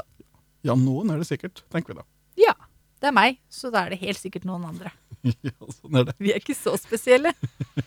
Så hva er det du har oppdaget som har eh, gitt en bedring i livet ditt i det siste, Vegard? Eh, jo, det er jo slik at når du ligger og skal sove i, i Sahara-varmen eh, på natta, og du kaster deg att og fram og sløss med lakenet, og svetten renner, renner som en back, eh, og alt er fælt og lett, eh, da er det fint å ha noe trivelig å høre på. Og jeg har, jeg har oppdaget en, en ny podkast som jeg liker å ligge og høre på. Er det nitteritte etter nitteritte?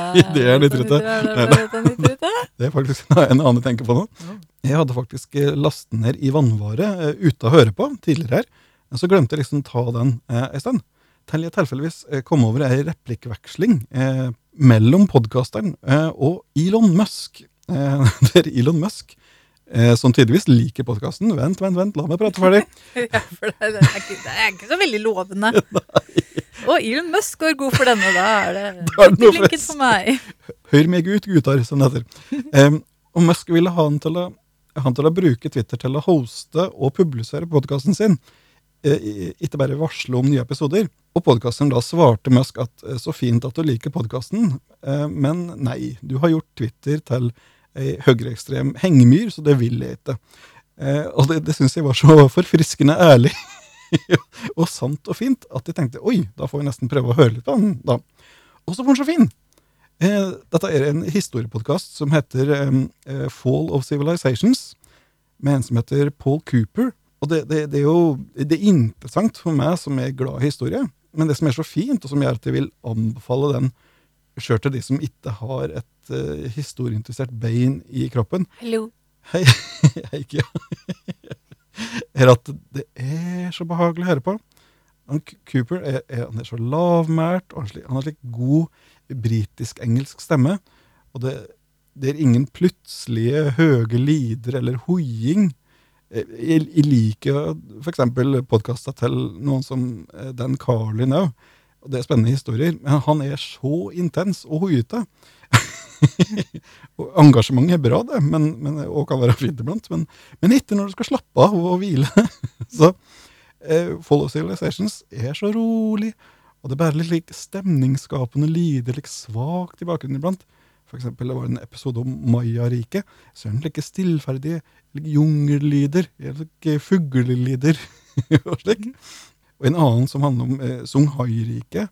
Så er det litt, litt, hører litt vind som blåser i bakgrunnen, og så er det litt eh, tradisjonell vestafrikansk sang, veldig stilt i bakgrunnen, bare som litt stemningsskapende middel. Veldig fint.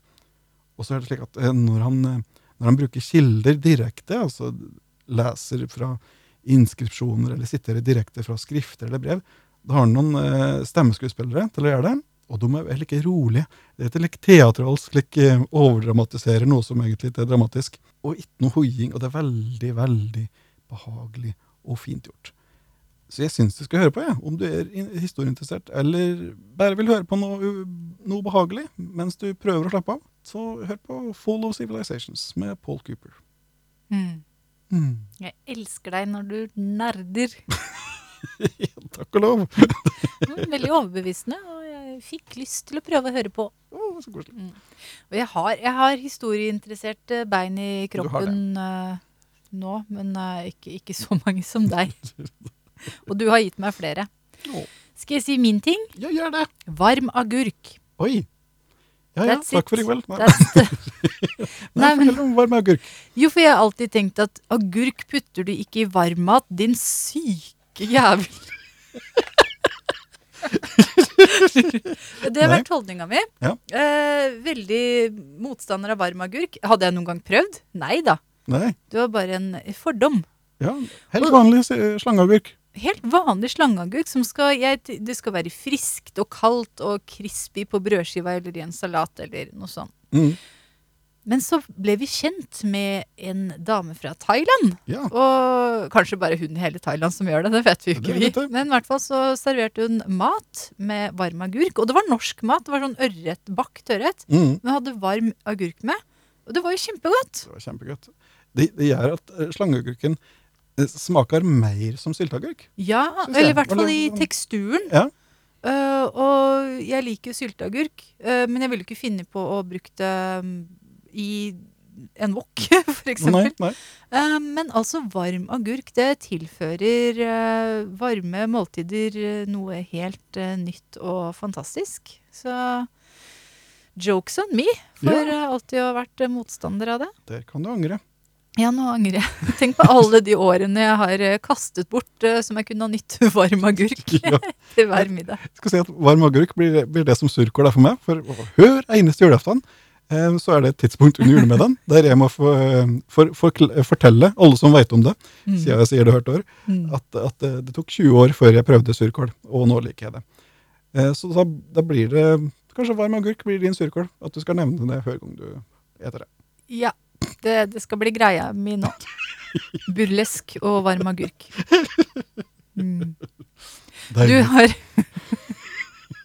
Du har jo også den greia med surkål er det beste på grisen. Det må noen i familien Martensen si. ja, jeg har tatt over etter bestemor, eh, som brukte å si det. Noen må si det. Det Mm. får bli meg. Jeg får bære den børa. Ja. Nei, skal vi sæla på? Ja, det er fritt nå å sitte her etter. Nei, jeg begynner å bli litt lei av min egen stemme.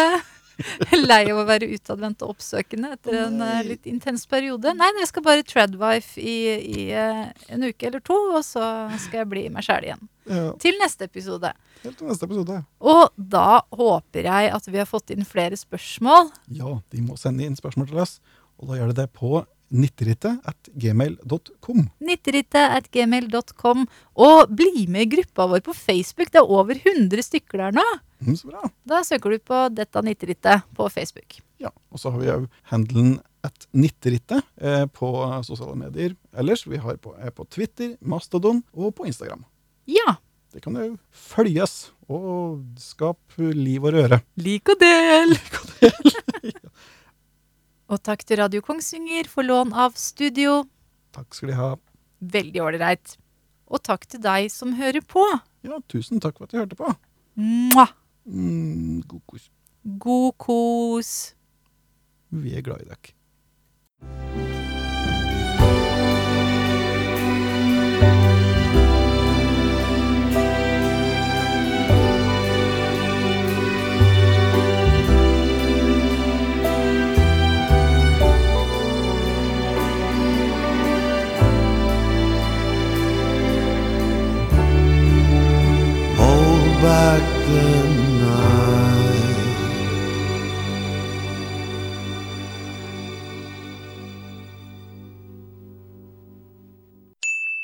Dette nytterittet er sponset av Nomadic Guiding and Teambuilding.